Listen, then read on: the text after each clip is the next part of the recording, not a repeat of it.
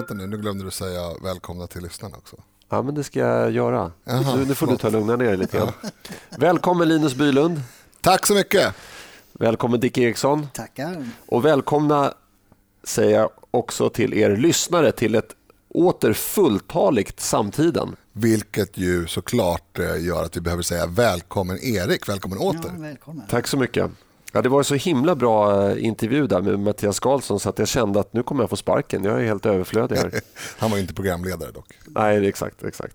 Nej, men jag, jag kan ju eh, lite kort säga vad jag har haft för mig. Jag landade klockan sex i morse på Arlanda och eh, ändå så sitter jag här så att eh, ni får väl ha lite överseende med om jag gör några felaktiga uttalanden eller lite tankevurper. Men i alla fall, jag var och vilade upp mig på Maldiverna i tio dagar med familjen och eh, då vill man ju titta på koraller när man är där. Mm. Vilket fick mig reflektera över det här med varför vissa koraller mår dåligt och andra mår bra. Eh, de som var allra närmast land, de mådde inte så bra. Kom man lite längre ut så mådde de lite bättre. Men ville man se riktigt bra koraller då kunde man åka ut med en båt och titta på dem. Eh, vilket vi aldrig gjorde. Eh, men då funderar jag på det här med växthuseffekt och sådär och varmare vattentemperaturer. Det borde ju rimligen vara lika varmt på den här ön som ligger 20 minuter bort med båt som på den ön som vi ja, bodde på. Det, det låter rimligt. Ja. Och då googlade jag lite grann på det här och eh, mycket riktigt så är det så att eh, trots vad klimatalarmisterna försöker få fram att det i princip enbart beror på eh, den här globala uppvärmningen då, eh, så är inte det fallet. Och, eh, Världsnaturfonden de nämner på sin hemsida att det finns massa olika förklaringar men jag tycker man, man får gräva lite grann eh, på Google för att hitta de här riktigt bra artiklarna som visar då, eh, eller där forskare då skriver att det finns en annan bild av det här. Mm. Eh, och eh, Man ska absolut inte underskatta människans närvaro. Slitage helt enkelt. Ja, slitage och det är utsläpp, eh, överfiskning. På Stora barriärrevet har man tydligen kommit, eh, man har fått bukt med överfiskningen. Man har skyddat områden mm. för, för fis, eh, överfiske. Men där har man ju väldigt mycket människor som bor och som turistar. Mm. Eh, man har också någon kolutvinning då, så att man har stora hamnar med mycket trafik och sådär. Men de rev där man har, som man lämnat helt i fred de påverkas också av högre temperaturer i vattnet för det är ett globalt problem och, och det har ju funnits även på 60-talet att man har sett korallblekning. Men de här korallerna återhämtar sig mycket snabbare då eh, om de är, i övrigt får vara helt i fred. Mm. Så att det, var lite, det var både lite sorgligt att se att vissa koraller mådde lite dåligt men när man då läste på lite grann så eh, blev man lite hopp ingiven, eller vad man nu säger, att eh, man faktiskt kan få bukt eh, med det här problemet. Bara vi människor eh, bosätter oss på Grönland istället för på Maldiverna. Ja, eller, eller gör naturreservat på viktiga korallrev. Ja, precis. Man, man försöker hålla nere trycket på naturen helt enkelt. Eh, det var det jag hade att lägga till här utöver agendan. Är det någon annan som vill säga någonting speciellt om gångna veckan? Jag tyckte det var en, eh, blev en väldigt bra intervju med, med Mattias eh, som jag har hört lite, lite kommentarer till. Att det blev blandat mellan eh, lite eh, ytligare och lite djupare saker. Mm, jag tycker också att det blev väldigt, väldigt bra. Sam, samtal skulle jag säga, mm. hellre än intervju kanske. Ja, just det. När det inte blir, vi ställde inte några elaka motfrågor och sådär. Ja, lite grann kanske. Men... Nej, men jag, jag, tycker inte det behövs göras, för det görs ju på så många andra ställen. Verkligen. Mm. Så det, var, det var faktiskt en av de bästa timmarna på semestern när jag fick eh, eh länken på det o, oarbetade, vad säger Din fru, lyssnar hon på den här podden? Vad sa jag för något? Din fru, lyssnar hon på den här podden? Eh, för att annars kan det vara lite problematiskt att det var den bästa ja, exakt. tillfället på, på veckan. En, en av de bästa, topp ja. top 200 kanske. Ja, bra. Där räddade du det snyggt. Eh, ja. ja. Nej, men det var riktigt bra. Och det är här, man behöver inte ha de här eh, skjutjärnsjournalistiken hela tiden utan det var väldigt intressant att få höra honom prata till punkt och ta upp de här problemen också som, som man har brottats med. Eh, lite gamla lik i garderoben som egentligen inte är några lik mm. utan det, det, är mer halmgubbar kan man säga. Då, mm. som, eh, ja, för er som inte har lyssnat mm. på avsnittet där vi har ett samtal med Mattias så rekommenderar jag det starkt. För det, jag blev väldigt nöjd med det också.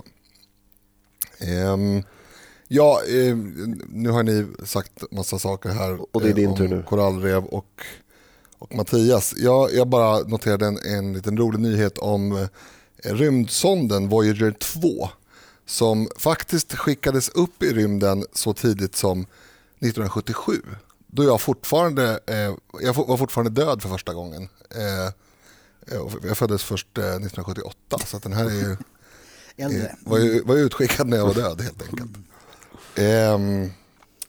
Nej, det, det, är häftigt. Den har skickat meddelanden nu till NASA att eh, lite olika uppgifter om temperaturförändringar och annat som, som gör att... Hur långt ut är den nu? Eh, den är nu, eh, den har alltså nått solsystemets yttre gräns, den så kallade heliopausen. Mm -hmm. Det vill säga eh, där heliosfären slutar och eh, solen, eh, området påverkas inte längre av solvinden och solens magnetfält. Så det är som är mm. definitionen. Alltså vår sol då. Eh, ja, det blir intressant, kul, kul grej att eh, vi har en rymdsond som har åkt omkring i, i längre tid än jag har levt. Ja, och det är svårt mm. att tänka sig den här oändligheten. Ja, precis. Ja, det blir hisnande. Det är också kul att NASA sa säger att man inte visste när man skickade upp den här, att den, eller man inte ens vågade tro att den skulle komma så här långt som, mm. den, som den har kommit nu. Då. Så vi får väl se vad framtiden har i sitt berömda sköte. Om den ramlar ner. Ja, den ramlar, ramlar ner. Nu, nu, nu tycker jag vi ägnar resterande två timmar åt att filosofera över vad som är upp och ner i rymden. Precis. Eller så går vi in på dagens ämnen. Ja. De är fem till antalet. 73 bomben i polisregion Syd i helgen. Åkesson större än Löfven i storstäderna. Överrepresentation i kriminalitet bland invandrare. Stor elbrist till nya bostäder och företag i Stockholm. Utvisningsbeslut mot islamister verkställs inte. Sedan, för er som är lite uthålliga av er, har vi som vanligt eftersnack och då får ni lyssna på den, den längre versionen av programmet. Och där kommer vi prata om Leif Östlings uttalanden och den svenska statsindividualismen. Det första ämnet då som hette 73 bomben i polisregion Syd i helgen. Dick, du kanske kan mm. ge lite bakgrund? Precis, det, det var eh, natten till lördagen eh, så, så smällde det två gånger. Dels vid 22 på kvällen och sen vid 03. Några kilometer från varandra i Malmö centrala delar. Och eh, det här börjar ju nu bli även internationellt uppmärksammat att Sverige har så oerhört många sprängningar. Och eh, polisen verkar handlingsförlamad tycker jag. Det, det jag hörde i morse på eh, P1 tror jag det var att, att eh, en teori är att eh, i och med att man satt in så mycket åtgärder mot eh, skjutvapen så har man gått över då till, till andra former av sprängämnen som dessutom då är, är svårare att spåra eftersom det inte är serienummer och sånt där på det. Va? Eh, jag vet inte om det stämmer men det, det, det är ju väldigt allvarligt att man, de flesta är ju, tror man ju är sprängda därför att man ska markera mot någon motståndare i något annat gäng. Men det mm. betyder ju att hela huset eh, drabbas. Ju. Ja, riskerar ju att rasa i värsta fall. Ja, och någon kan ju gå förbi när det smäller. Mm. Och då är, ja, det var ju en kvinna som dog av det i, någon gång här ganska nyligen. Råkade gå, hon blev svårt ja, hon skadad. skadad. Ja. Mm. Eh, ja, det finns ju mycket att säga om det här, för, förutom att jag tycker att eh, trots att jag ändå märker att folk reagerar så tycker jag att folk kanske reagerar lite för lite. Alltså det sprängs, alltså 73 gången i bara, mm. i bara Region Syd eh, i år. Det är nästan uppåt en 200 i landet totalt om jag minns mm. rätt. Eh, det är ju galet. Ja. Men, men, men också så här, jag har ju jag undrar ju vad polisen, jag ska, inte, jag ska inte recensera polisens arbete just i det här skedet, just i det här fallet eftersom jag, eller jag vill ha det sagt att jag inte har någon insyn och inte vet huruvida de är ute och cyklar. Men, men det låter ganska märkligt tycker jag att man då, eh, en, en åtgärd som man snabbt går ut med i media är att man tillsätter en sprängämnes, sprängningskommission.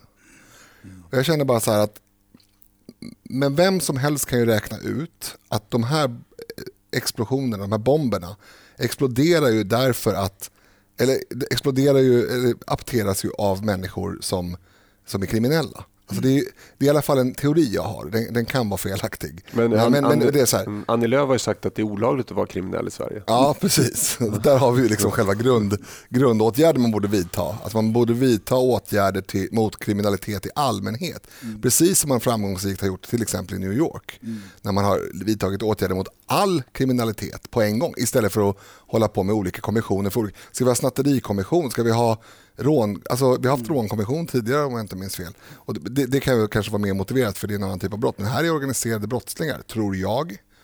Nota bene. Mm.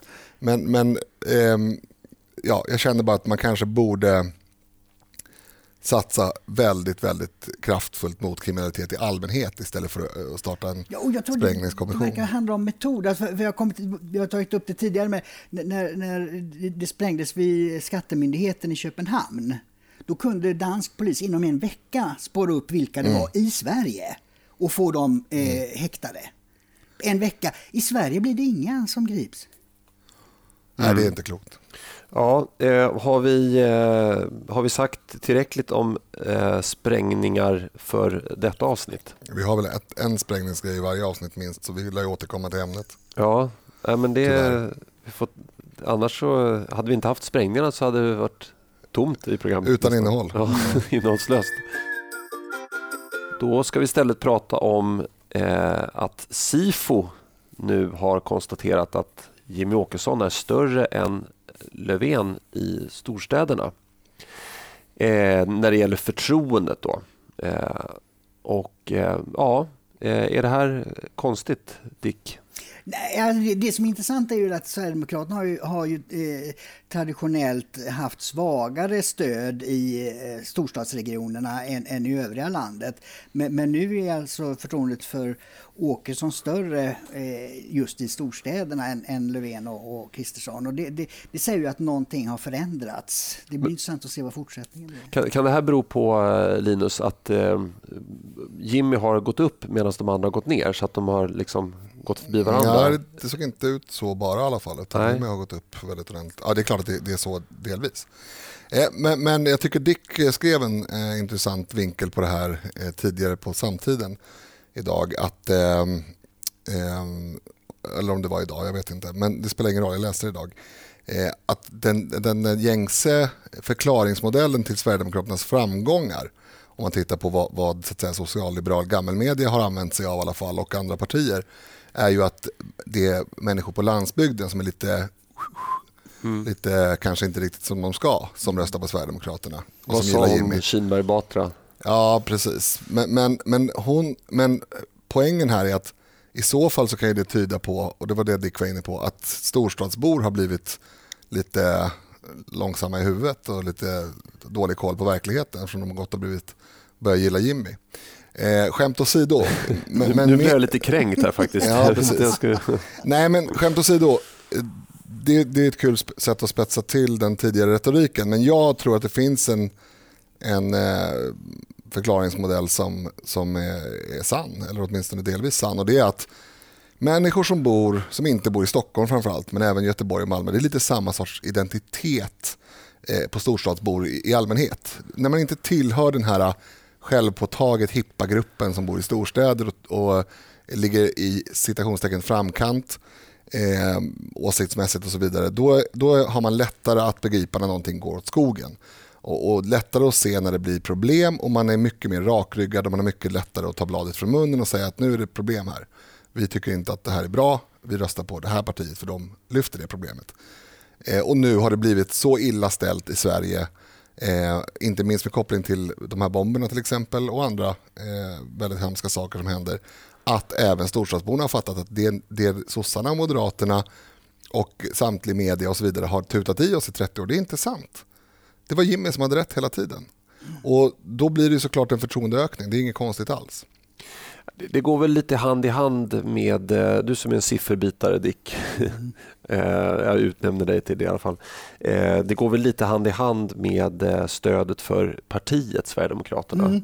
Det kan inte avvika allt för mycket. Precis, mm. det är åtminstone, jag tror det är två institut som har sagt det, att den här ökningen av Sverigedemokraterna över 20 nivå nu när, när partiet har närmat sig Socialdemokraterna på riktigt, beror på ökning i storstadsområdena. Mm. Där man har legat ett antal procentenheter lägre förut än i mm. snittet. Mm.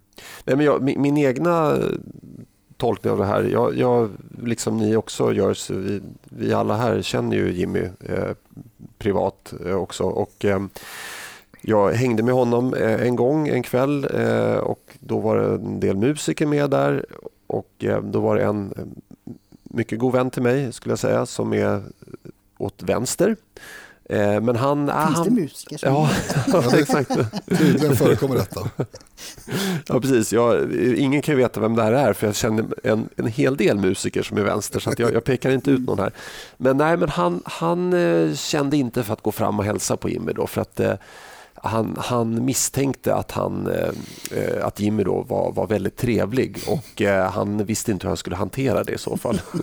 Nej, det är jobbigt. Men det är ändå kul, då har man liksom, det inser man att man har byggt upp en nidbild mm. för att få tycka det man tycker. Ja, och, och han inser att den nidbilden är, rasa, det, det, är just en nidbild. Ja. Eh, och, och jag tror att det är det här som håller på att hända. Att mm.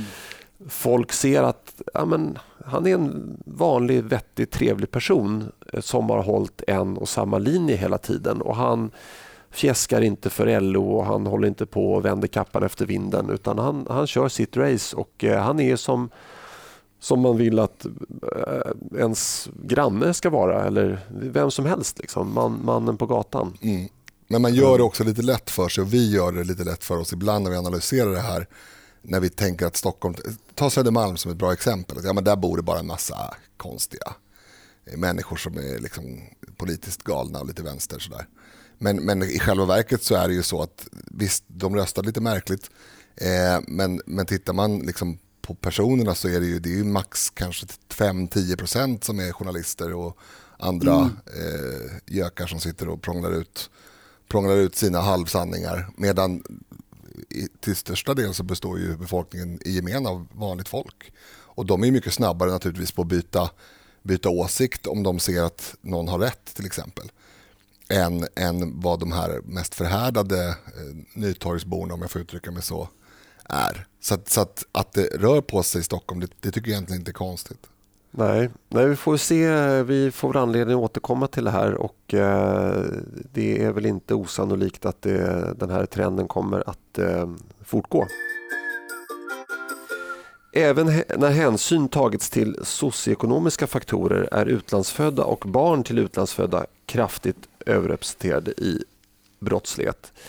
Eh, Dick Eriksson, eh, mm. det här var väl egentligen inget nytt?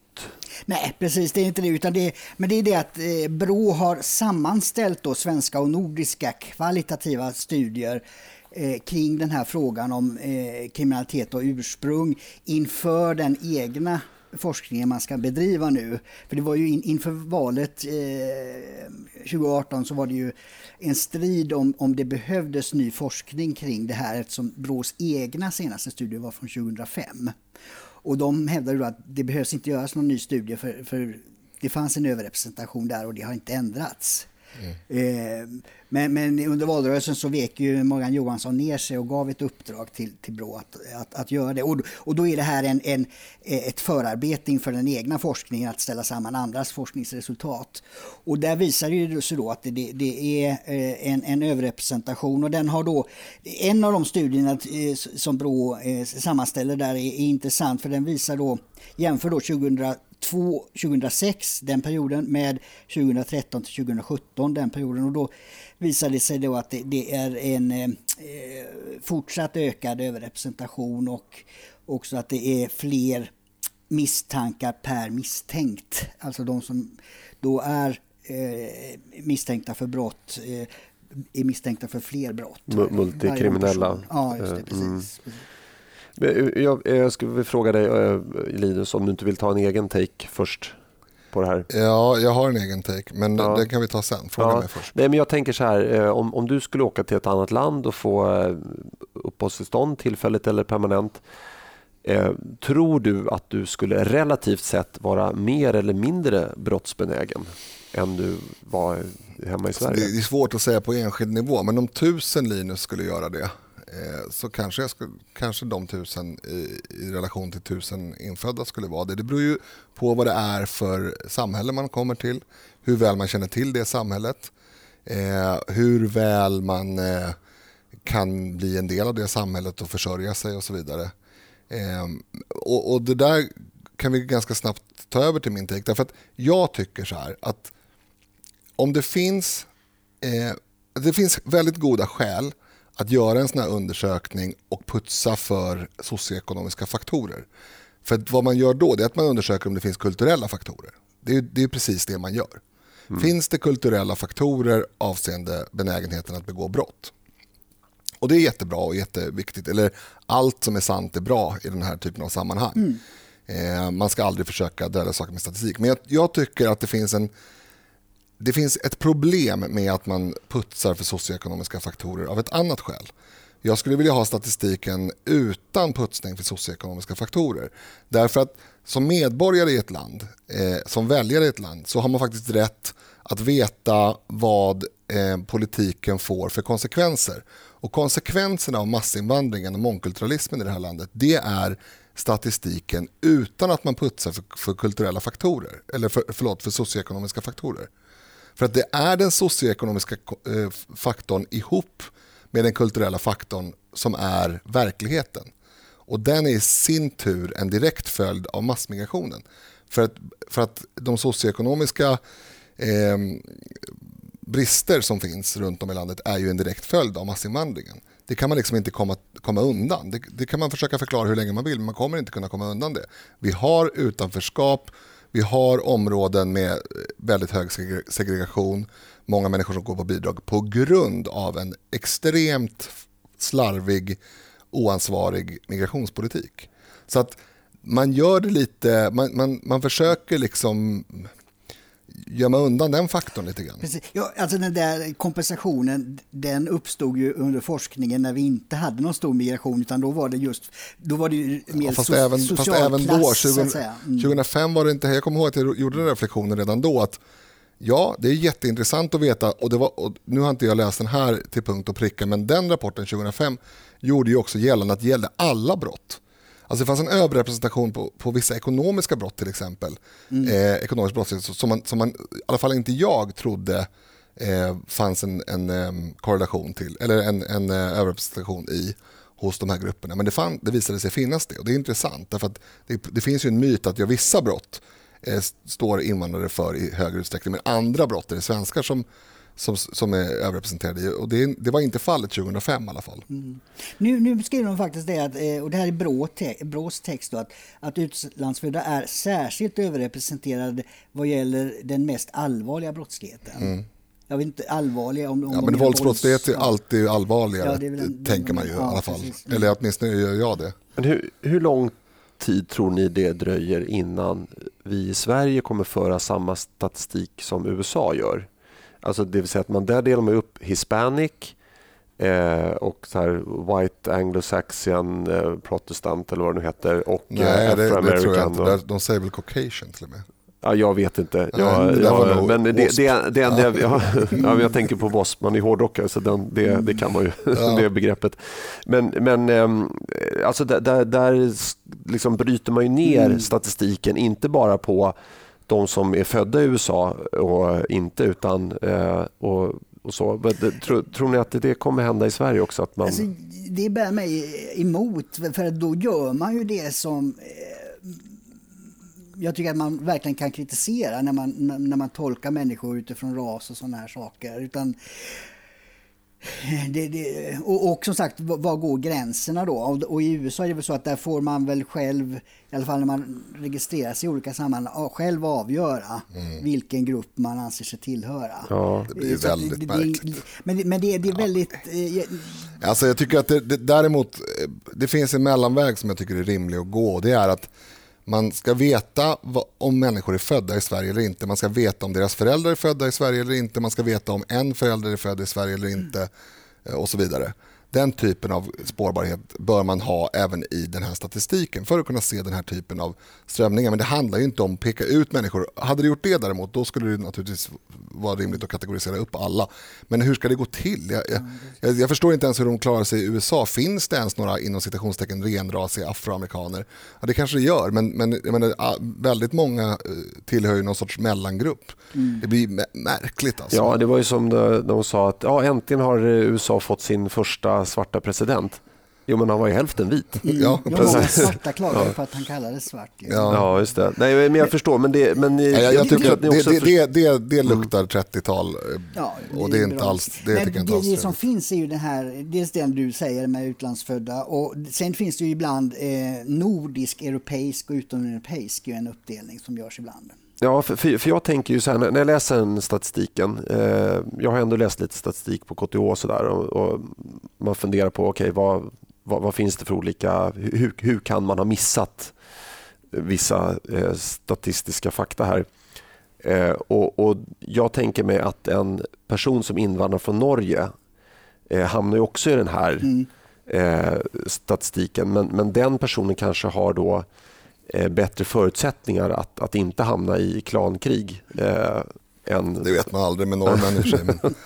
jag, jag vet, ni förstår vad jag är ute efter. Ja, absolut. Ja, men, det, det, var, det ingick mm. i min, i min liksom, mm. åsikt där. Att, mm. att eh, när, man, när man har koll på vad folk har för, om de är födda i Sverige eller inte, så vet man ju så att säga var de är födda också. Och då kan man ju använda den statistiken för att titta, har vi regioner i världen där människor som kommer ifrån eh, är eh, överrepresenterade i vissa brottskategorier och så vidare. Det handlar om och, brottsprevention och en massa andra saker. Men framför allt, och det var det jag var inne på, det handlar om att väljarna måste få, kunna få bilda sin uppfattning om det här med migration är bra eller inte. Det är ju dåligt som jag har sagt väldigt många gånger, med massmigration. Men alla förstår ju inte det. Nej, men jag, jag skulle vilja säga massmigration från eh, eh, eh, kulturer som kanske då inte är så lik vår egen kultur. Mm. Jag tror att det är dåligt med massmigration överhuvudtaget. Mm. Men, men den är naturligtvis mer problematisk om det är Somalia än om det är Norge, eh, såklart.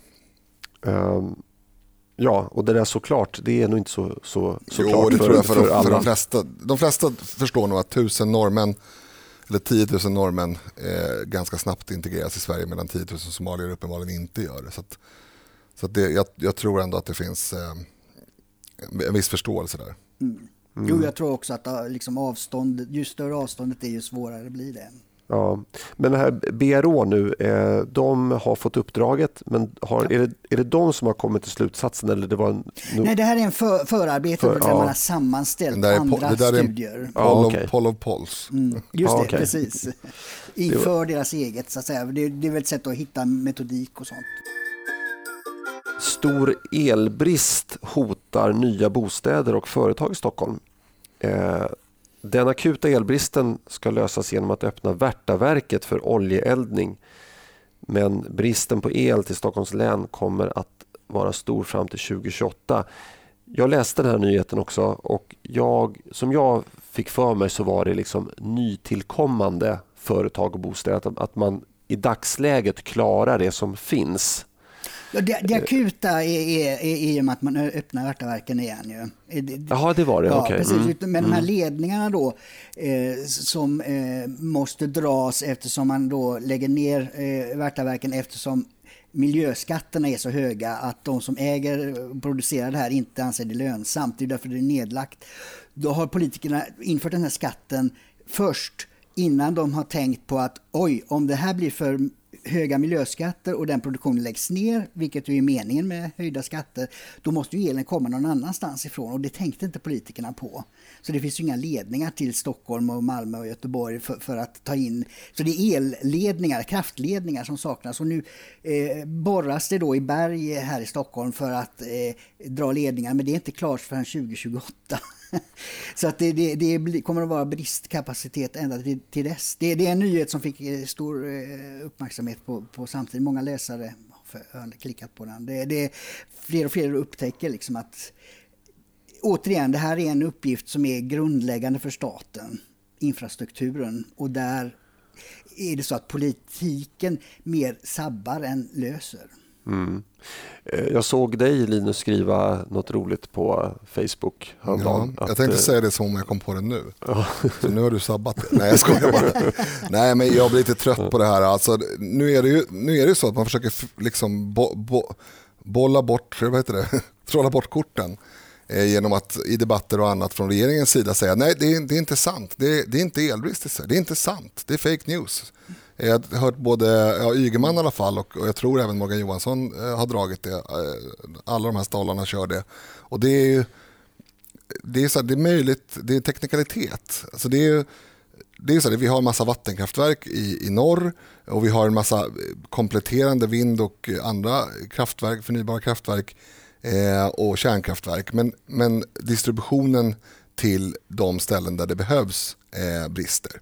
Pågen ställde in ett stort projekt på ett nytt bageri nere i Malmö av precis den anledningen till exempel.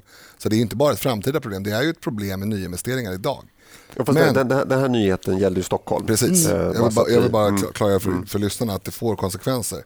Men, men vad man säger då, nej men det är inte elbrist alls. Det är fake news. Och jag i någon sorts i någon sorts eh, teoretisk mening så kan det säkert vara sant. Det kanske, det kanske produceras fler terawattimmar i Sverige per tidsenhet än vad vi behöver. Det är möjligt, men det spelar ingen roll om det inte går att distribuera den.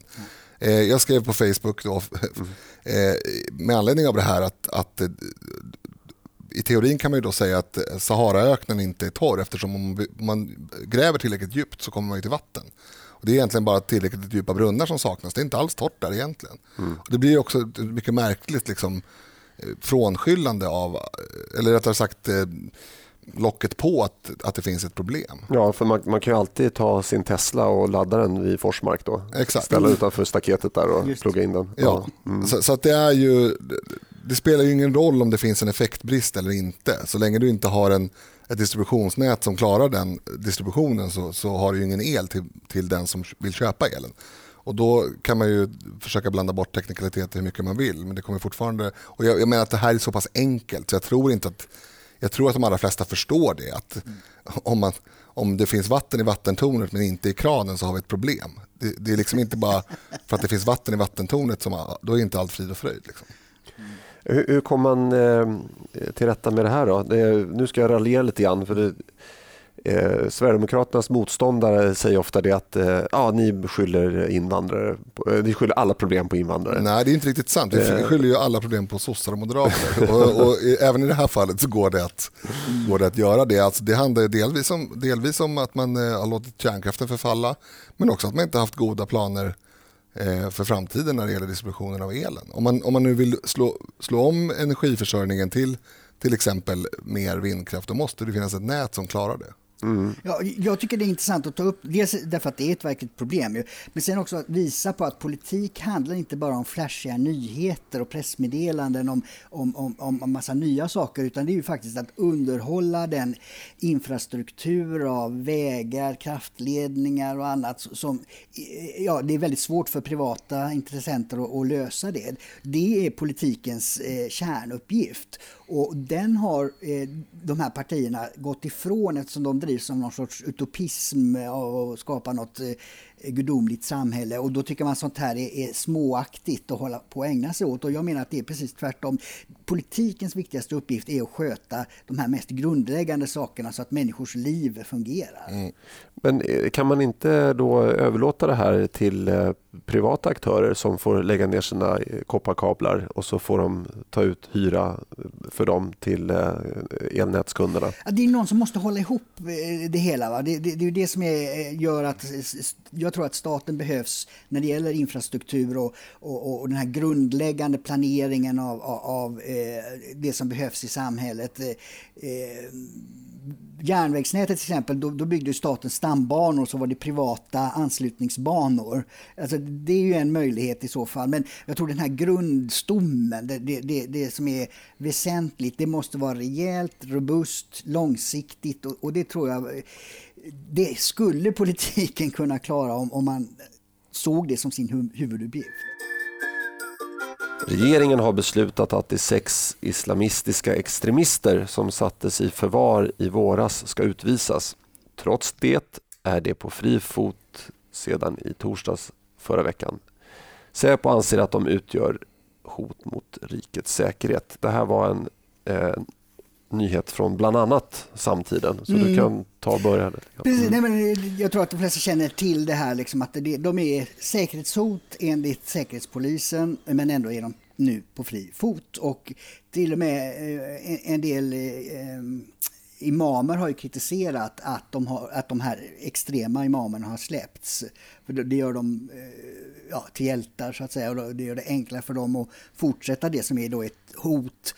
Eh, det vill säga värva flera unga till, till extrema uppfattningar som ja, kan sluta i, i terrorattacker. Och, och skälet till detta är ju att eh, det här förvartagandet som då har skett beroende på att de är säkerhetshot inte får ske mer än 12 månader enligt svensk lag.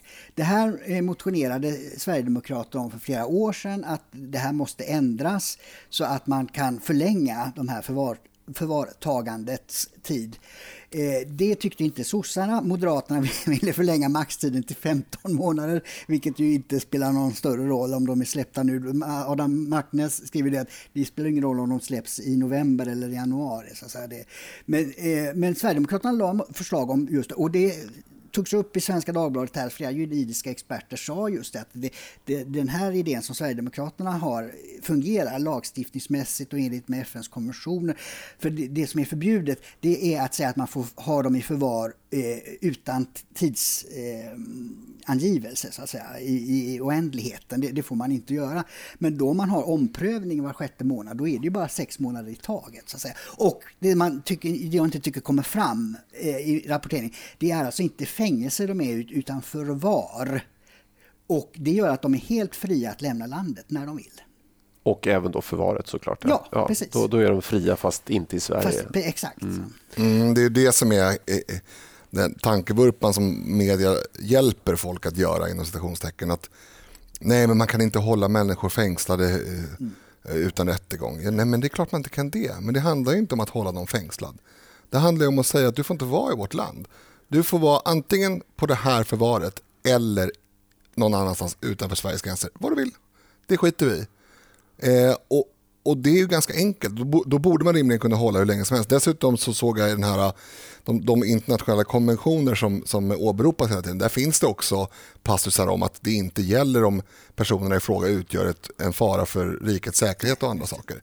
Så det, är ju, det är mycket möjligt att applicera Sverigedemokraternas motion i, på svensk lagstiftning i det här fallet. Mm. Utan att bryta några internationella konventioner. Men det största hyckleriet här, det står Moderaterna för som går ut och gör utspel om att ja, ni skulle ha lyssnat på oss när vi ville se över den här lagstiftningen. Men deras förslag lyder alltså att man vill höja från 12 månader till 15 månader. Ska man släppa dem efter 15 månader?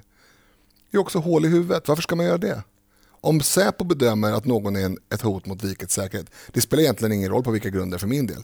För det är inte så att, man, eh, att alla människor har rätt att vistas i Sverige. Det, det är inte en, grund, en grundläggande mänsklig rättighet.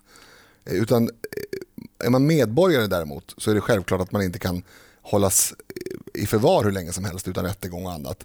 Men är man inte medborgare och har ett utvisningsbeslut att man ska lämna landet, ja, då är det fullkomligt rimligt att man får vara internerad tills att man lämnar landet. Det är inget konstigt med det alls. Det är det ena, alltså hyckleriet från, från Moderaternas sida. En annan sak som jag ville nämna bara eh, som, som hände igår, det var att eh, Sverigedemokraterna har nu valt att kalla regeringen till eh, berört utskott för att eh, förklara sig. Hur, hur är det man har tänkt här? Vad är det för verkställighetshinder som föreligger för att inte skicka de här imamerna dit de, dit de ska och så vidare. Så det kan bli intressant framöver. Ja, jag, jag, tänker så här att nu har inte jag riktigt koll på vilka länder de kommer ifrån. Men...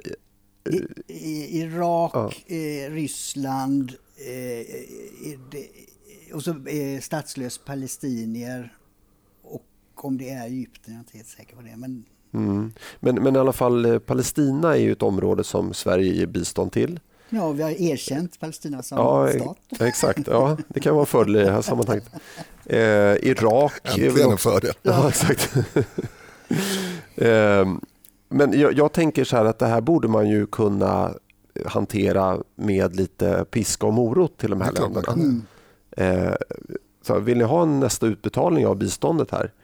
Eh, ja, det vill vi ha. Ja, men varsågod, då får ni eh, mm. faktiskt ta emot er eh, medborgare mm. som ställer till oreda här. Mm.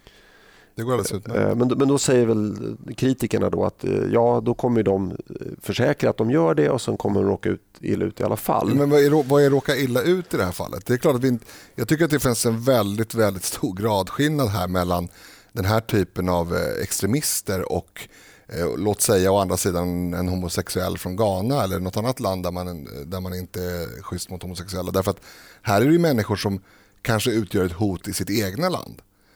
Och då är det kanske rimligt att de får repressalier. De kanske, de kanske har begått brott. Det kanske är därför de, jag vet inte. Men, men om man vill få bukt, om man i låt säga Iran, Irak tror jag det var, eh, vill få bukt med extrem islamism, då är det möjligt att de fängslar honom. Det vet inte jag. Mm. Eh, men det är, liksom inte, det är inte så att att jag tycker att det nödvändigtvis är ett problem.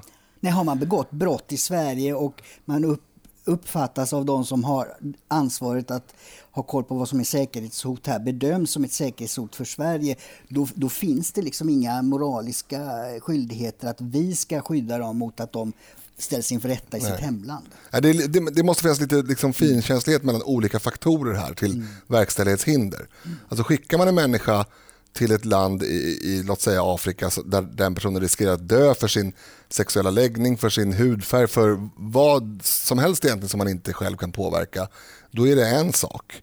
Eh, och det kan vi diskutera.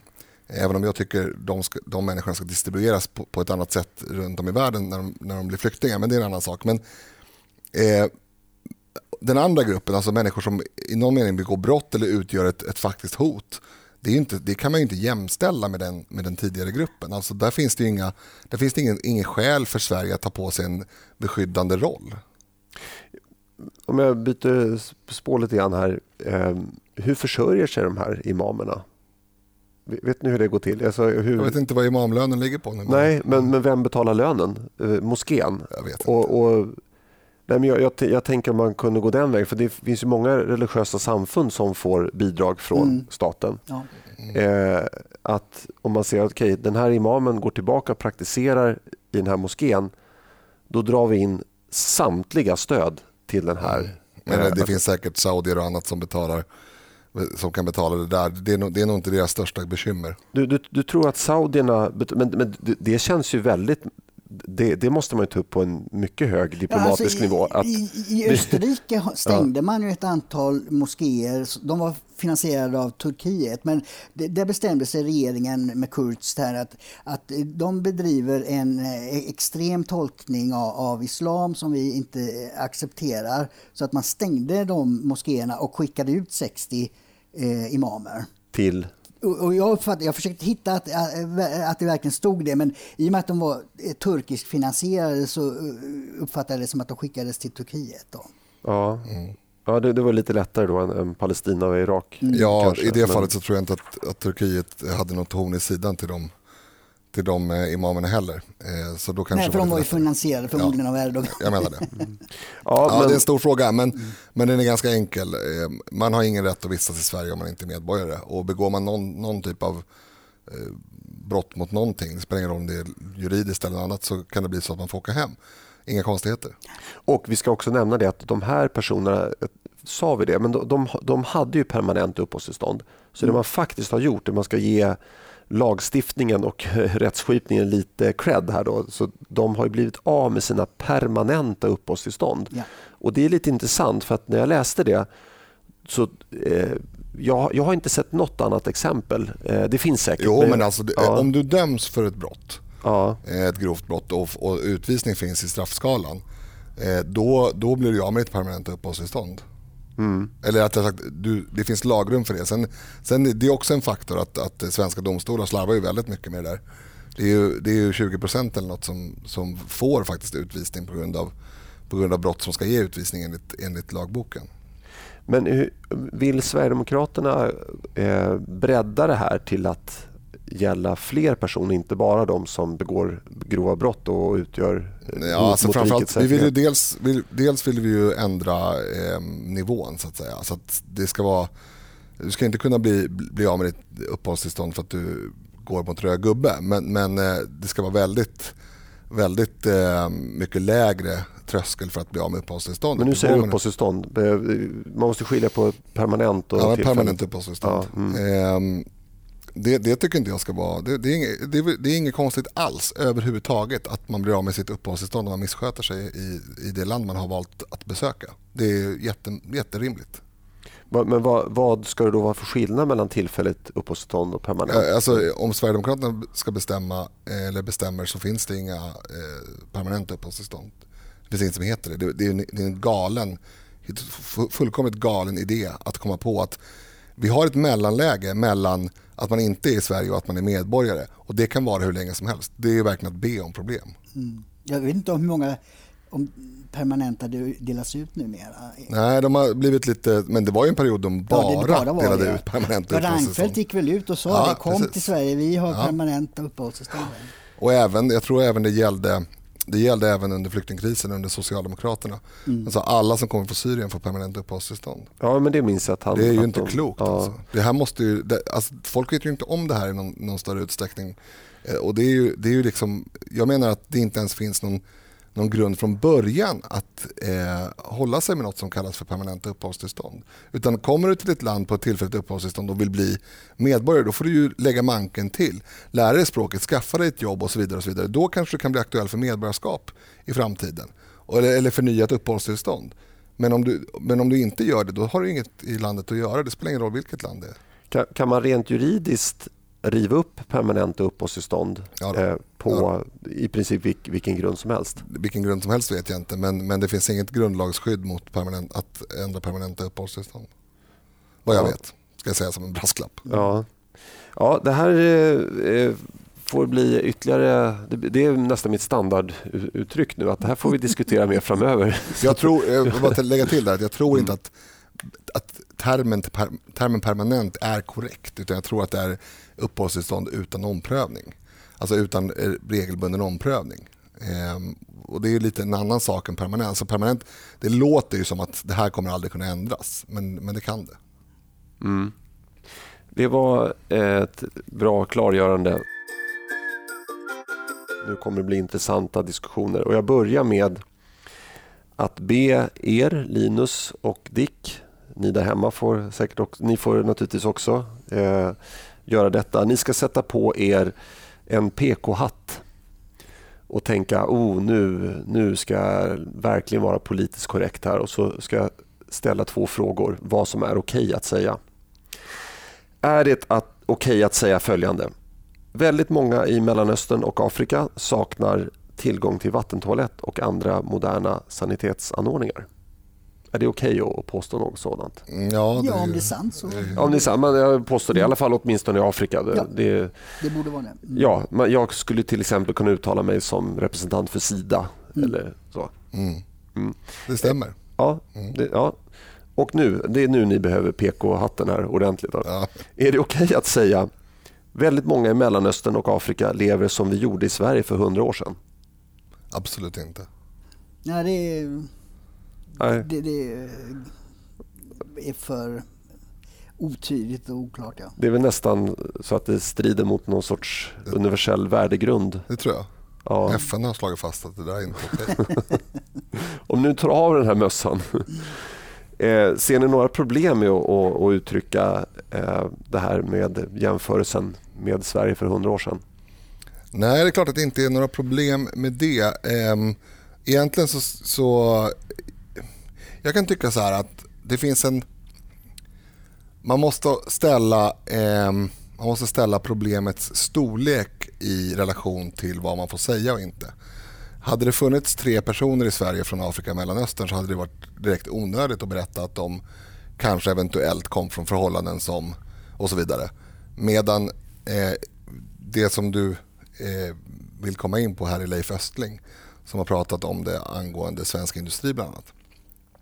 Och då är det ytterligt relevant att det är på det sättet. Att, att man eh, från politikers sida tror att man har fått eh, löst eh, arbetskraftsbristen för all framtid fast egentligen har man bara ställt till mer problem. Ja, men å, å ena sidan så eh, en, en del av samhället då försöker göra vad, vad samhället kan eller vad Sverige kan för att lyfta upp Afrika teknikmässigt så att de får eh, adekvata sanitetsutrustningar eh, eller vad man nu ska kalla det för. Eh, och, och, sen då när man drar en, en, slutsats av det här att Afrika ligger väldigt långt, eller vissa delar av Afrika ligger väldigt långt efter oss teknologiskt. Mm. Då, är, då blir det inte okej okay att, att uttala om, om man får sparken från, från förtroendeuppdrag. Mm. Jag, jag, tycker att det här är väldigt märkligt. Um, ska, du dra en, ska du dra en liten bakgrund vad du pratar ja, om? Men precis, nu kommer vi till pudens kärna här. Då. Det är Leif Östling gjorde, han ställde upp på en intervju i eh, en Youtube-kanal som heter Sveb-TV och uttalade en del invandringskritik. Eh, han sa till exempel att Sverige har tagit in för mycket folk eh, Eh, och att vi inte orkar med fler invandrare i de här grupperingarna. Och han syftade då, som de flesta uppfattade, på eh, Mellanöstern och eh, Afrika. Och han tog då ett konkret exempel. jag tror att det var ungefär 100 somalier som de hade försökt få in på bandet då i Scania och efter en normal utbildningstid på fyra eller sex månader så var det bara tio personer, vi säger 10 procent, i, i den storleksordningen i alla fall, som klarade av det här. Och Det menade han på berodde på att de inte hade samma eh, teknologiska utvecklingsnivå där de kom ifrån som vi har här i Sverige. Och Det här gick man i taket över. Man gick också i taket över att eh, han sa att om den här utvecklingen fortsätter med sprängningar eh, i eh, olika delar av landet, i förorten till exempel, eh, då kan det i förlängningen leda till inbördeskrig. Eh, och jag, jag, tycker att det är väldigt intressant här för att de som anklagade honom för att säga saker som man absolut inte får säga de kom ju inte med något eh, motbevis. Alltså det, det, vore, det vore naturligt att de i så fall sa, nej men vad är det du säger, 100 somalier, det funkar ju jättebra. Vi hade 100 svenskar där bara 70 klarade provet men eh, 80 procent av, av somalierna klarade. Eh, varför säger man bara att det här får man inte säga utan att de kommer med ett motargument? Och samma sak med det här med inbördeskrig jag personligen, jag tror inte att det kommer bli inbördeskrig. Men om, om nu Leif Östling eller någon annan påstår det och jag ska gå i clinch med honom och säga att hör du, det, där, det där är helt uppåt väggarna att säga. Där, och då måste jag komma därför mm. att. Mm. Annars kan jag säga att jag, jag håller han, inte med han, dig. Han sa väl dessutom, jag lyssnade på intervjun, Hans, han var ju ingen demagog som liksom sa att nu är det på randen till inbördeskrig och det är dags att ta till vapen. Utan han sa ju att han är orolig för att utvecklingen i förlängningen kan leda till det. Mm. Det måste man ju kunna få säga egentligen om vad som helst. Mm. Skulle jag säga. Om man, om man är så försiktig i sin, i sin liksom, säkerhet. Jag lyfter upp det just det här att det, det, det, Östlingsfallet här nu är, är, ett väldigt konkret bevis på att åsiktskorridoren har inte blivit bredare eller friare utan den är väldigt, väldigt smal i Sverige och väldigt, väldigt uppenbar. Eftersom det är precis som ni säger, man har gått i i fluffiga angrepp mot honom. Och det som används mest är ju att eh, den här vänsterextrema Expo har kallats webb-tv för vit makt eh, kanal. Och vad, är det, vad är det de har gjort som är... Ja, det, de har jag har inte sett någon... Nej, Swebb-TV har ju intervjuat alla möjliga konstiga människor så att säga, men det är ju för att just uppfylla yttrandefrihetens... Ja, men då ska ju SVT, då är ju de ja, både pedofiler och vänsterextremister. Och, precis. Ja. Så att, eh, det, åsiktskorridoren är väldigt, väldigt smal i Sverige. Man får inte säga saker, särskilt inte när man som eh, Östling då tillhör etablissemanget, så att säga varit vd i ett stort börsnoterat företag. Då åker man ut på ändan om man håller sig utanför det, det som är... För det är ju en del som har hävdat att det finns ingen åsiktskorridor. Mm. Och det, det, det, här är väldigt tydligt exempel på att den finns, är väldigt stark och, och som, som du säger väldigt antiintellektuell. Mm. Jag tycker Rebecka Weidmo Uvell gjorde ett hyfsat bra gräv här ehm, där hon eh, beskrev den här positionen som han blev sparkad ifrån. Det var ju Södertälje Science Park eller sånt där. Mm. Och det är ju bara en sån här ryggdunkar, ryggkliar organisation som i princip inte har bidragit med någonting. Alltså det, det, som har lyft, det som har lyft Södertälje det är ju eh, framgångsrika eh, industriföretagare. Mm. Eh, hade man inte haft Scania där, då hade man ju aldrig kunnat... Alltså Scania klarar sig utan det här eh, Södertälje Science Park alla dagar i veckan. Mm. Eh, Södertälje Science Park klarar sig inte utan Scania och AstraZeneca, Nej. om det var dem, ens i två minuter. Mm. Eh, och, och då är det, men det här är så typiskt den här socialdemokratiska rörelsen, att man på något sätt vill skörda frukterna av det andra skapar. Jag skulle dock vilja, vilja påstå, eller gå emot eh, Dicks åsiktskorridorsnack lite grann. För jag tror att jag tror visst att även om det inte är, har lättat så är det på väg att lätta. Det, det vi ser nu eh, det, vi, alltså det vi ser nu är en eh, det är svenskens långsamhet i att förstå saker. Och den här ängsligheten över att om man säger saker som man inte får säga då måste det bli konsekvenser. Den har vi ju levt med i det här halv-DDR-landet i 30 år. 40 år kanske. Eh, men, och det har ju luckrats upp. Men det finns fortfarande tankegods kvar.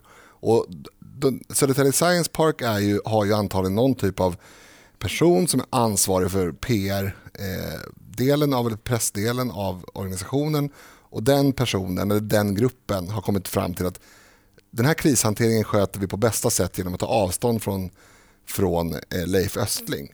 Och det gör de ju för att det kommer attacker från olika håll. Expo till exempel. Ja, men vänta lite, nu måste jag avbryta. För att det var ju eh, kommunstyrelsens ordförande i Södertälje som tog det här medialt, eh, Boel Godner. Mm. Hon är socialdemokrat va? Ja, ja. och eh, hon sa det att nej, men, eh, jag har tittat nu på hela intervjun och det här var så pass grovt att det, det finns ingen diskussion. Ja. Och, och, och, och, min bara, parentes här att det känns lite grann som att Ja, vad roligt, ni får vara med i vår klubb här. Mm. Och, eh, vi har Scanias VD, eh, eller före detta VD, eh, får vara med här och då är vi alla, titta, Socialdemokraterna och industrin, vi är goda vänner. Eh, och, och då, får, då, tror jag kanske att socialdemokratiska potentiella väljare ser att åh vad, vad fint, Socialdemokraterna de, mm. de är ju ett, ett industriparti. De, det, är de, det är de som har gjort det är de som har skapat alla de här fina företagen mm. egentligen. Mm. Eh, och, jo, så är det ja. ju såklart. Och, och, det är det jag menar, att hon har ju goda skäl av politiska anledningar ja. Att, att markera. Därför att de här åsikterna, de, de, eh, de går ju inte ihop med Socialdemokraterna eftersom det är de som är skyldiga. Mm. Rakt av.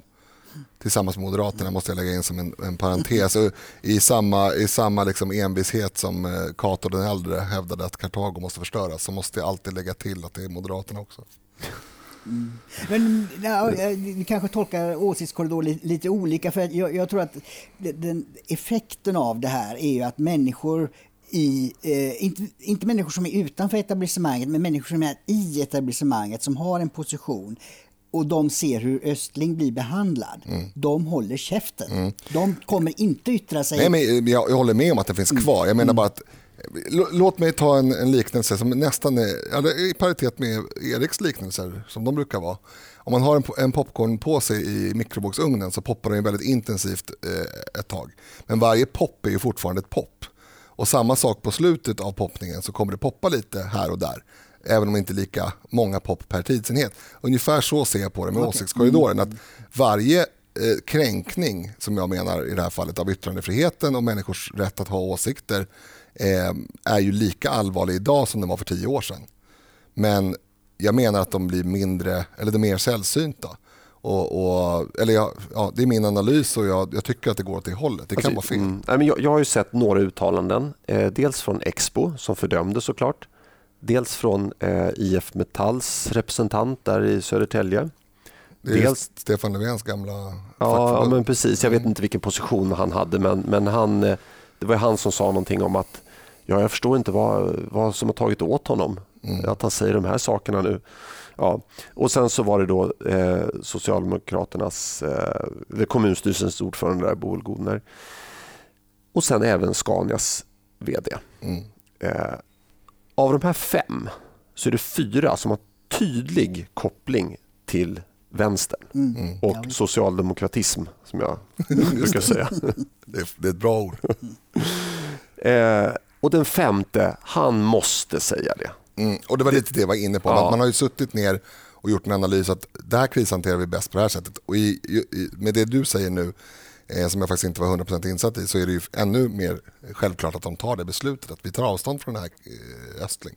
Ja, och, och men, och, och sen så, ah, var, varför får det här så stort eh, utrymme då? Jo, därför att på, i media, i mainstream-media så sitter det massa journalister som håller med de här fyra första. Mm. Som har, de, de, lever i exakt samma ankdamm mm. och tycker exakt likadant. Så det är klart att det lyfts fram. Och Det här leder i sin tur fyra dagar senare att Östling då kryper till korset och säger att ja, jag kanske inte borde gjort den här intervjun. Mm.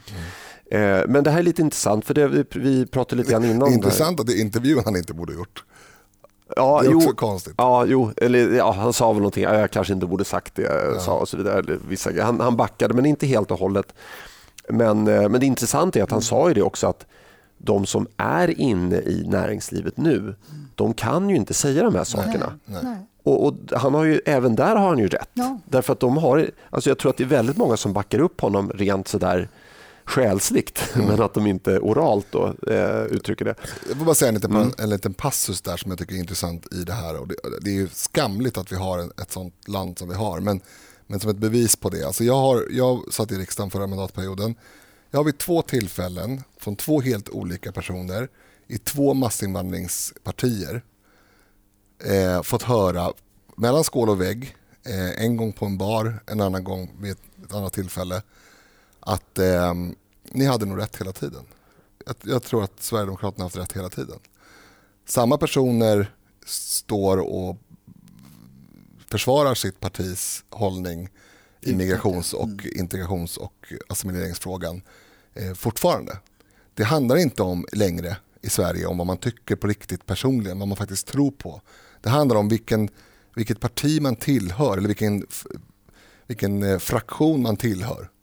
Eh, och, då, och då går man i döden för att försvara den, av någon anledning. Det, det kan någon få svara för det här är inte människor som är, de är inte, de är inte kognitivt utmanade som Mattias Karlsson använde uttrycket förra, förra sändningen. Eh, de är ju uppenbarligen de är riksdagsledamöter, högt uppsatta i sina respektive partier. De borde inte vara så dumma i huvudet att de förstår en sak men fortsätter kämpa för motsatsen.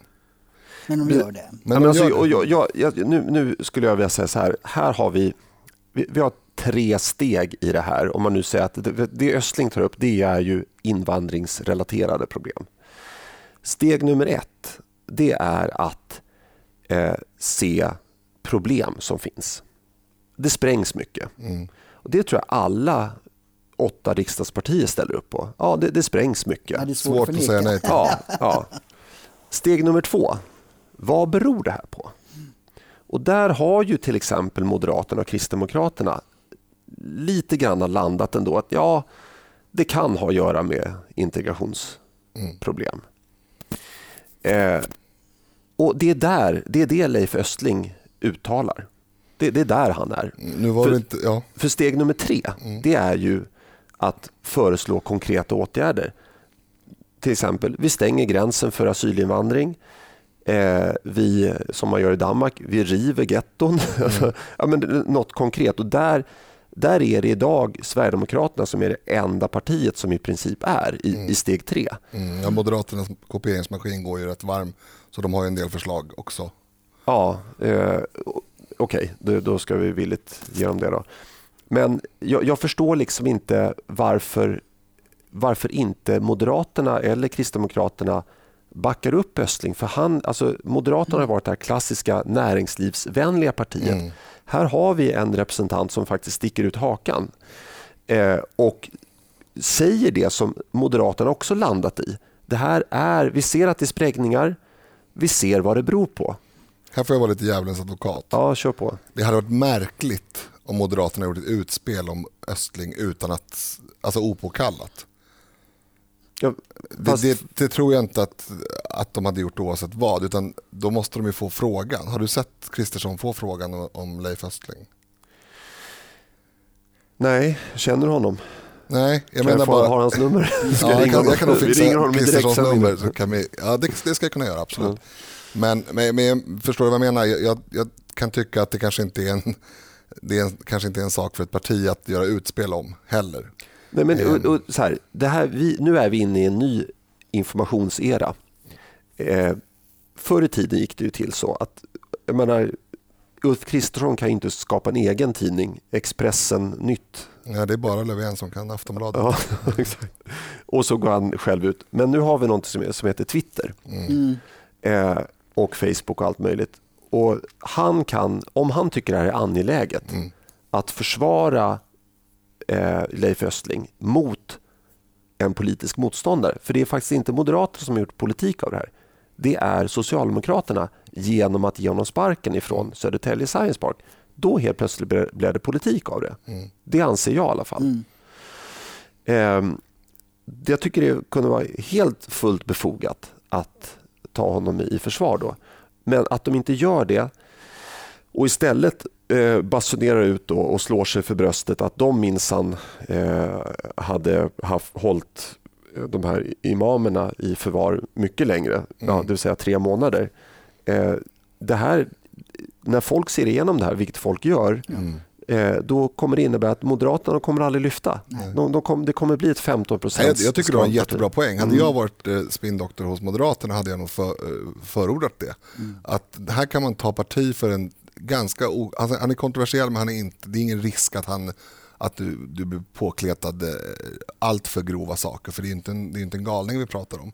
Eh, och också kan man vinna näringslivets förtroende i högre utsträckning mm. än vad man, vad man har. För det har man ju tyvärr, mm. eller tyvärr, det är väl bra för vår del, men men Moderaterna har ju eh, inte förvaltat den, den bollen så som de kanske borde, just med tanke på det här. Alltså det, det är klart att människor som, som befinner sig i, i sin karriär, om man får uttrycka sig så, och är rädda för att, att prata om problemen i både industrin men även annan, eh, andra verksamheter i Sverige, eh, de tycker naturligtvis inte om att, att Moderaterna dansar med i Nej, den här åsiktskorridorsleken.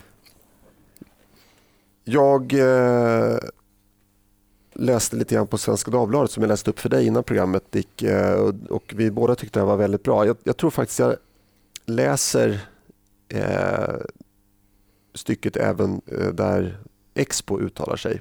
Eh, kanalens webb-tv är omstridd. Daniel Pohl, chefredaktör för Expo, hävdar att kanalen har kopplingar till högerextrem ideologi genom ämnesval och medverkande som i vissa fall citat, skulle bli utkastade även av SD. Enligt Pohl, eh, slutcitat, eh, enligt Pohl driver kanalen citat, en nationalistisk linje med konspirationstänkande om varför samhället ser ut som det gör. Slutcitat. Och så skriver då Svenska Dagbladet vidare. Men Kristoffer Holt som forskar på alternativ media vid Linnéuniversitetet och Gulf University i Kuwait menar att webb-tv är en del av demokratin när den släpper fram människor med avvikande åsikter. Och då uttalar sig han då. Kanalen är ett fenomen som måste studeras sakligt. Jag kan inte se att Expos kritik om vit maktkopplingar grundas på innehållet utan på att personer med tveksam bakgrund har förekommit där att bara för det avfärda kanalen skulle få, skulle få konsekvenser för det offentliga samtalet, säger Kristoffer Holt. Är det här, eh, dra en parallell här till eh, åsiktskorridoren. Ja, precis. Nej, men det sista du läste upp där, ja. det är ju helt mm. rätt och sant och det är så det borde vara. Att den offentliga debatten måste vara öppen och, och åsikter måste få komma fram eh, utan att man eh, ska hålla på och, och smutskasta. Mm. Sen kan man tycka, hålla med eller inte hålla med. Men det, det är ju liksom nästa steg. Man måste ju veta vad folk säger innan man kan ta avstånd från dem. Mm. Men, men det är ju, alltså anledningen till att webb-tv och, och, liknande mediekanaler finns, det är ju enligt min uppfattning att mainstream-media och public service gör ett de gör ett dåligt jobb på mm. det här området. De kanske gör bra jobb på andra områden men just de här frågorna alltså, som Östling eh, lyfter, mm. de gör ett fantastiskt dåligt jobb. Ja, i här med eh, allsidighet som det står i public mm. service-reglerna till exempel. Det, det, misslyckas man ju mycket med. Att, att, för det, det är ju det det här SvebTV gör, det är ju allsidigt. Mm. Det vill säga det tar upp allt möjligt. Ja, men alltså det, det är ett otroligt hyckleri som inte ens är svårt att peka på. Jag menar, om man nu ska gå enligt principen att den som är inom citationstecken kontroversiell ska inte någonsin få uttala sig någonstans. Då är ju SVT de första som man ska dra till skampålen. De har ju, de har ju intervjuat Jack Arklöv och, och Stig Berling, höll jag på att säga, det vet jag faktiskt inte. Men, och det tycker jag de ska göra. Ja. Det är inget ja. konstigt med det. Men, men någonstans måste det finnas någon sans på hur mycket skit man kastar ur sig från etablissemangets sida på den som, den som väljer att låta yttrandefriheten vara på riktigt för alla. Mm. Eh, anledningen till att S, eh, Sveb-TV har kontroversiella personer eh, som de intervjuar som kanske, vad vet jag, eh, som grupp betraktat lutar åt det ena hållet. Det är ju att det är svårt för dem kanske att få dit Jan Guillou och sitta och prata eller någon annan gammal kommunist. Liksom. Så det är ju inget, det är inget konst att det blir en, att det blir en eh, skev, skev, ett skevt urval ur vilka man har som gäster.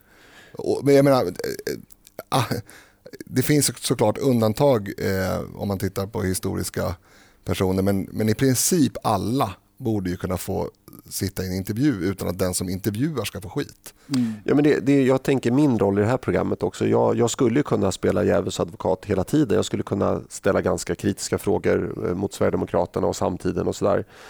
Eh, men Fast det, problemet är att du skulle förlora. Det. Ja, exakt. Eh, och, och, jag skulle också kunna sitta här och, och, och, inte uttrycka någon åsikt själv överhuvudtaget. Men den typen av program finns ju redan. Mm. Eh, så att jag tycker att eh, ett sånt här samtal som vi har där jag ändå styr det hela lite grann. Eh, det tillför ju någonting och jag tror att han som har startat SvebTV tänker lite likadant. Vad, vad ska jag göra nu för att nå mm. ut till en publik som kanske har törstat efter någonting som inte finns. Mm, men jag tycker, det är en helt mm. rätt analys. Mm. Och, och, på samma spår kan man säga att om jag för tio år sedan sa någonting orimligt så är det inte någonting du ska få skit för imorgon. Nej. Det är liksom inte, det, om jag säger någonting orimligt här och, och, och, du inte reagerar, det är en annan sak. Det kan vi ha en diskussion om. Men, men att ja, de har haft kontroversiella personer, som, mm. det är jättekonstigt. Det, det finns ju några som har åkt på skam eller vad ska jag säga för att de har ätit lunch med dig. Men mm. Eh, det, mm. Det, det kan jo, det är flera ja. som har um, blivit uthängda i media och uh, fått sparken till och med. Det är farligt att äta lunch med Du har ätit lunch med mig några gånger. Nej, det, det, det, alla lyssnar här, det förnekar jag bestämt. Det finns inga bevis. Och är det någon som har tagit en bild så har jag en enäggstvilling. En, en mycket okänd enäggstvilling. Så ja. det, det, var han som... Nej, men, men det där fenomenet finns ju, när jag bloggade på 00-talet, då, då, var en, en av de vanligaste kritiken var då att att jag, om jag citerade någon eh, tidning, eh, till exempel eh, från USA eller någonting sånt där, så var det, var, ja men den här personen som du citerar nu, den har i en annan tidning för tio år sedan skrivit så här, håller du med om det? Mm. Alltså, jag förstår inte vad den här eh, viljan att eh, eh, tar man upp någon person så måste man liksom krama den och hålla med den i precis allt ja, det den har exakt. gjort i hela men, sitt men liv. Inte, men, jag har aldrig fattat Men det där är inte sant. Alltså det, där är inte, det där är inte alls sant, för det gäller bara dig. Det gäller inte den personen. Alltså det gäller inte den kritikern. Det gäller nej, inte, nej, mm, alltså, det gäller inte Socialdemokraterna. Socialdemokraterna, det pratade vi om för övrigt mm. i förra i Mattias eh, samtalet med Socialdemokraterna har ju fortfarande så kallade vänpartier som sysslar med både det ena och det andra som, som eh, vem som helst annars skulle bli, bli, få gå, springa gatlopp för. Men, men, men det får de inte. Alltså, det, det, är bara en extrem dubbelmoral moral och ett hyckleri här. Det, inte, handlar inte om att de egentligen tycker att det är problematiskt att citera någon som tidigare har sagt något annat till exempel. Utan mm. de tycker att det är problematiskt när du gör det. Och det beror på att de saknar egna argument och då blir mm. det då blir det en bra genväg att köra guilt by association som det kallas. Ja. Eh, och det är ju ett väldigt fult och, och antiintellektuellt eh, debattgrepp. Mm. Ja, men det är liksom ungefär som att om en nazist skulle säga att jorden var rund så skulle man per automatik säga att, att den är platt. Ja, Därför att man kan aldrig precis. någonsin hålla med en nazist. Ja. ja. men så, så, så fungerar mm. ju logik, logiken. Mm. Och det, det, är klart att det finns gråzoner där. För att om jag citerar någon för att den har sagt någonting som är baserat på dens så att säga, forskning och så visar sig forskningen vara helt galen. Mm. Då är det en sak. Eh, men om det är helt olika ämnen och, och dessutom kanske fakta inblandat. Då är det ju helt ointressant vad den personen har sagt tidigare. Um, för att avrunda lite grann. Uh, hur tror du uh, att tankegångarna går? Tänker man ens i de här banorna inom Sverigedemokraterna att Leif Östling kan vara en person uh, som det för det första finns fler av. Han kan inte vara den enda som går och tänker de här banorna. Mm. och för det andra några som man kanske skulle kunna utnyttja på ett bättre sätt. För nu har man ju, nu har man ju så att säga vunnit, nästan vunnit mot eh, Socialdemokraterna när det gäller arbetare och LO-kollektivet. Eh, kan, skulle man faktiskt kunna få över näringslivet på sin sida? Skulle man kunna vinna den inom citationstecken kampen mot det Moderaterna? Det finns, jag ska inte säga för mycket, men det finns sedan många år en sådan eh, pågående verksamhet. Men mer kan jag inte säga om det. Den svenska statsindividualismen kollapsar. Både liberaler och socialdemokrater hyllar den svenska individualismen som frigjort människor från släkt och lokala gemenskaper för att individen istället ska lita till staten för trygghet. När nu staten sviker står individen ensam och otrygg. Dick Eriksson. Mm. Jag skrev en ledare om det här eh, och fick inspiration av Eli Gönder som bland annat jobbar på Timbro. Han skrev en krönika i Korren om, om detta. Och eh, han tar som exempel upp det här med att vittna då i, i domstol när man eh, har sett något eller drabbats av någonting och att det pratas om en tystnadskultur. Och, och, han menar ju att det, det, blir ju en skillnad om, om, om, om, svenskar är vana vid att se sig som individer så att säga och, och har svaga band till familj och släkt och eh, civilsamhälle utan litar på staten för försörjning vid, ja, eh, vid eh, försäkringar och sådana här saker. Liksom när, man, när någonting händer så litar man inte på familjen utan på, på staten. Då är man ju väldigt utlämnad när det då kommer människor som har en klankultur och lever i grupp och agerar i grupp. För det, det, är ju det som är genomgående när man tittar på rån och allting sånt där så är det en grupp mm. som attackerar eh, en ensam person. Eh, så det, det är liksom helt, en helt annan dynamik som finns i, i, en del andra delar av världen. Och när då den eh, kommer hit och, och eh, människor börjar agera i grupp då står individen väldigt svag. Eh, att våga vittna eh, kräver inte bara då mod och, och, och eh, kurage eh, utan att man kan ta konsekvenserna av det. Och, och, här har ju då de här grupperna och gängen eh, börjat och, och hota och, eh, agera, inte bara mot vittnen. Jag läste nu på morgonen här att även poliser nu drabbas på fritiden mm. av att bli hotade av gäng. Men, och, och, och, då mm. står ju liksom individen står väldigt ensam då. Man, man, man har ingenting att luta sig mot. Men jag, alltså jag skulle mer kanske, eller det är en fråga, eh, skulle man inte kunna se den här utvecklingen som att man tar eh, motorcykelklubbskulturen och höjer upp till 15. alltså för det, för man, det är samma problematik. Alltså de, de utförde också hot mot vittnen och agerade i grupp och så vidare. Eh, men finns det något, något som verkligen särskiljer dagens brottslighet med eh, mc-klubbarnas brottslighet? Nej, men det, utan det som är skillnaden är väl att antalet personer som är medlemmar i mc-klubbar är ju ganska, och även var begränsat jämfört med då Eh, den andelen av, av, människor som kommit till Sverige och, och, som kommer ur klankulturer och är vana vid att, att det, det, är ju, det, är ju det. Det, det är ju en helt annan logik i de samhällen där man har klankultur. Det är ju där korruptionen är stor, det är där man hela tiden gör upp om, om, eh, om saker och det är blodshämnd och det är allt möjligt sånt där som inte, som just det är därför staten kom till. Det, det, finns en väldigt intressant diskussion om varför kom staten till, filosofisk diskussion. Och eh, en del liberaler hävdar att det fanns ett naturtillstånd. Eh, Robert Nozick till exempel skrev en bok om liksom, naturtillståndet där det inte fanns någon stat.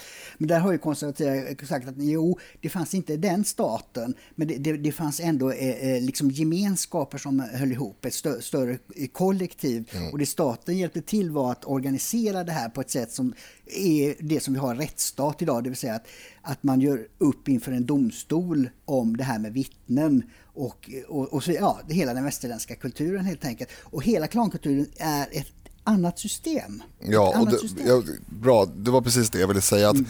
Alltså det är klart att det kan finnas likheter med, för övrigt så vill jag poängtera på kriminella mc-gäng. Det finns ju motorcykelklubbar ja, som inte sysslar med brottslighet. ja, jaha, eh, det, det, visste jag inte. men, eh, det finns ju likheter. Men jag tycker alla de här parallellerna man försöker dra hela tiden, de blir så taffliga. Blir, just just eh, MC-parallellen eh, tycker jag inte var intellektuellt eh, undermålig men det finns massa andra paralleller som dras med... Ja, men man säger att ja, men, i Sverige för 200 år sedan så levde vi också i klansamhället och det stämmer inte alls. Alltså vi hade en annan släkt gemenskap och så vidare, det hade vi absolut. Men vi, vi slogs inte med släkter på det sättet som man gör i Mellanöstern till exempel. Nej, man hade ju häradshövdingar och domstolar. Ja, det var, upp, det var uppordnat mm. liksom. Och, och det, det fanns såklart släktfejder precis som det har funnits i alla tider i, i västerlandet också, men det var en, på en helt annan nivå. Och det blir, man lurar inte bara de man pratar med utan också kanske sig själv om man börjar dra den typen av förenklingar och säga att ja, det här, så här såg det ut i Sverige på 1500-talet eller för det gjorde det inte. Det, man, det är inte sant. Ja, men, men, man kan väl också se att om man, man drar parallell till um, miljöproblem till exempel. Uh, att säga att det bor en, en, familj i ett skärgårdshemman på uh, 15 hektar och så slänger de ut sitt uh, vad heter det, toalettavfall i någon skogsglänta det funkar ju. Men det funkar inte om det där skärgårdshemmandet eh, bebyggs med 1500 lägenheter och alla gör likadant. Alltså vi, det här med mc-gängen, jag tycker att det kan vara en, en relevant parallell för att liksom kanske då få en annan twist på det hela. Eh, men eh, vi har ju ett problem med omfattningen idag. Mm. Eh, och, och, Det är det som många missar tror jag. Att, men visst, vi hade ju våldtäkter även innan massinvandringen och vi hade ju rån, vi, vi hade ju allting. Mm. Eh, men... Det är bara när någon påstår motsatsen som det finns relevans i att ta upp det argumentet. Förstår du vad jag menar? Eh, jag, jag förstår självklart, men förklara för lyssnarna. Ja, alltså, att, att berätta för till exempel Sverigedemokrater att ja, men, det fanns kriminalitet på 70-talet, eller 60 eller 50-talet det är ju helt ointressant för det är bara relevant om Sverigedemokraterna skulle påstå att det inte gjorde det, mm, vilket Sverigedemokraterna exakt, aldrig har gjort. Exakt, mm. Det är också sådana dumma argument som bara är till för att sabba debatten. För man vill inte mm. ha debatten. Man vill inte skärskåda verkligheten och, och, bena ut vad som är vad och komma fram till en lösning. Därför att man in, har insett att lösningen är att man själv får backa och säga jag hade fel. Mm. Och det är det liksom värsta en människa måste göra. Nej, men det, jag tyckte det var intressant här Dick när du kom in på det här med eh, rättsskipning för att eh, den, den, naturliga ryggmärgsreflexen om man själv skulle bli utsatt för ett brott eh, det är ju direkt att ringa till polisen. Mm. Eh, och det är först när de inte då kanske reagerar och sådär, då, då kanske man börjar tänka i andra banor. Ja, hur, ska jag, hur ska jag få tillbaka mina pengar och sådär.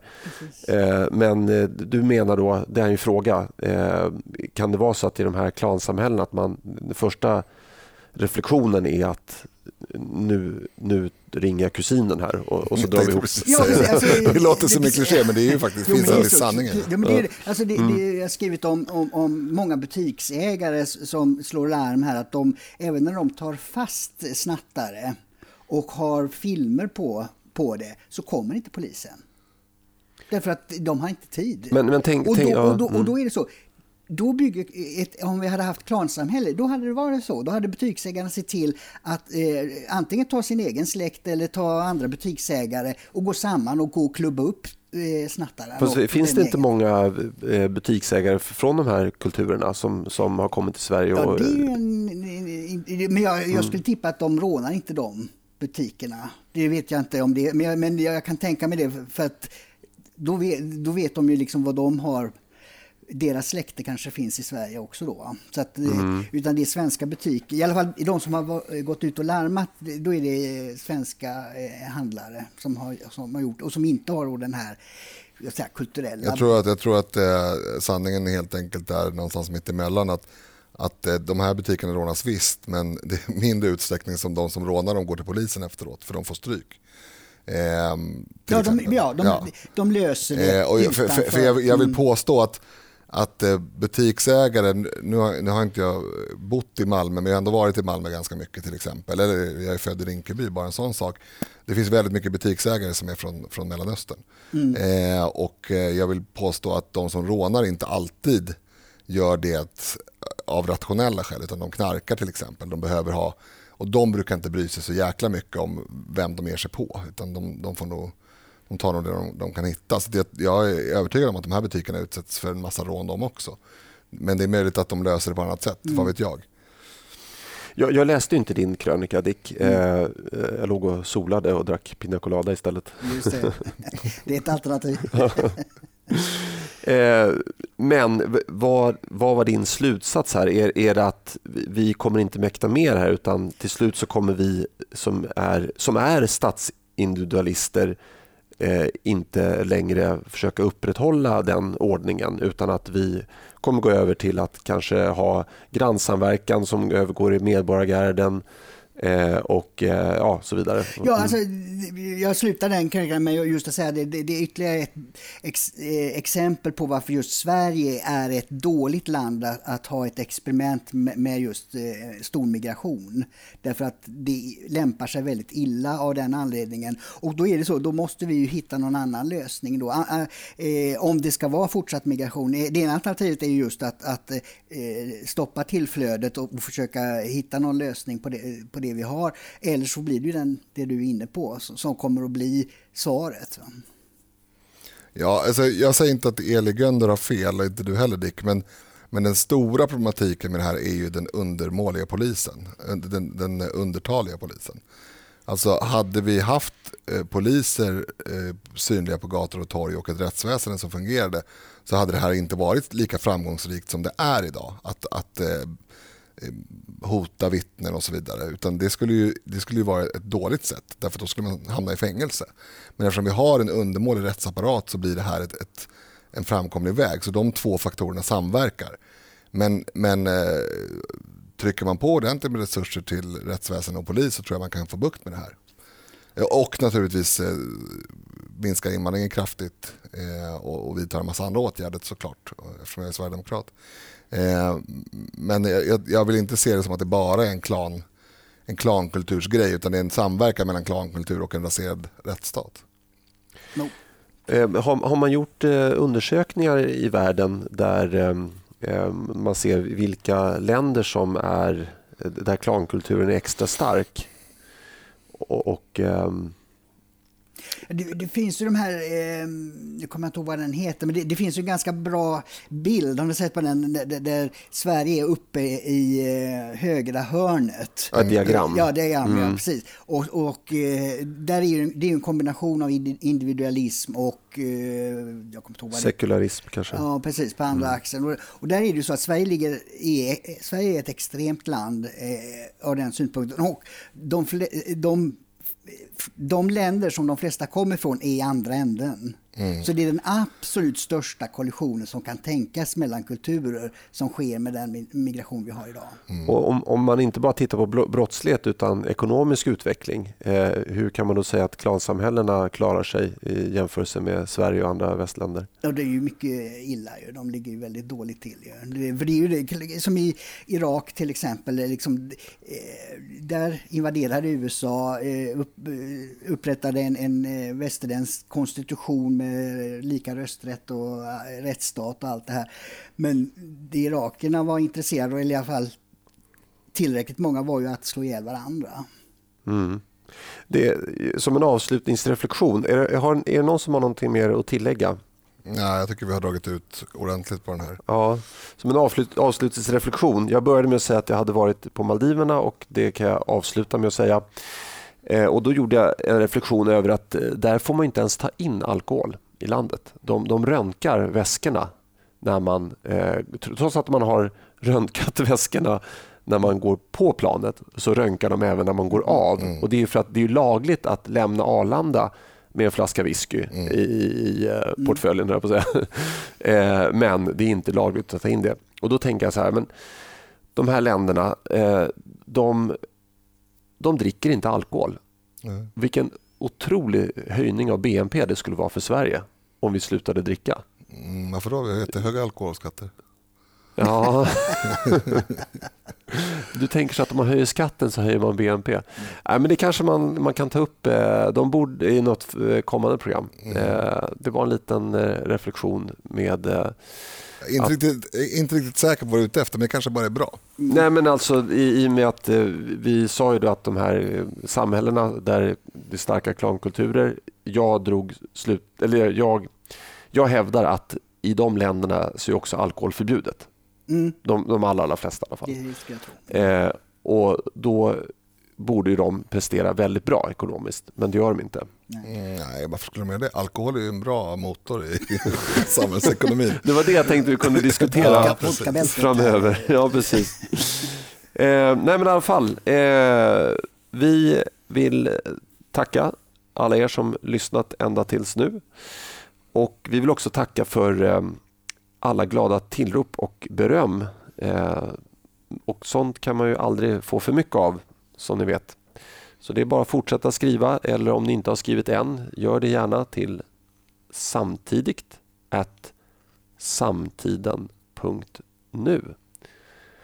Eh, jag vill tillägga en sak. Ja, gör det. Jag vill tillägga att man får skriva saker som inte är beröm också. Eh, man, får skriva, man får skriva glada tillrop och beröm, man får också komma med kritik och man får komma med önskemål kanske. Eh, det är några som har gjort det, jag kan tacka dem på en gång här. Eh, önskemål om ämnen och gäster och sådär. Mm. Mm. Jag kan bara instämma. Eh, tack Linus och Dick. Tack, tack.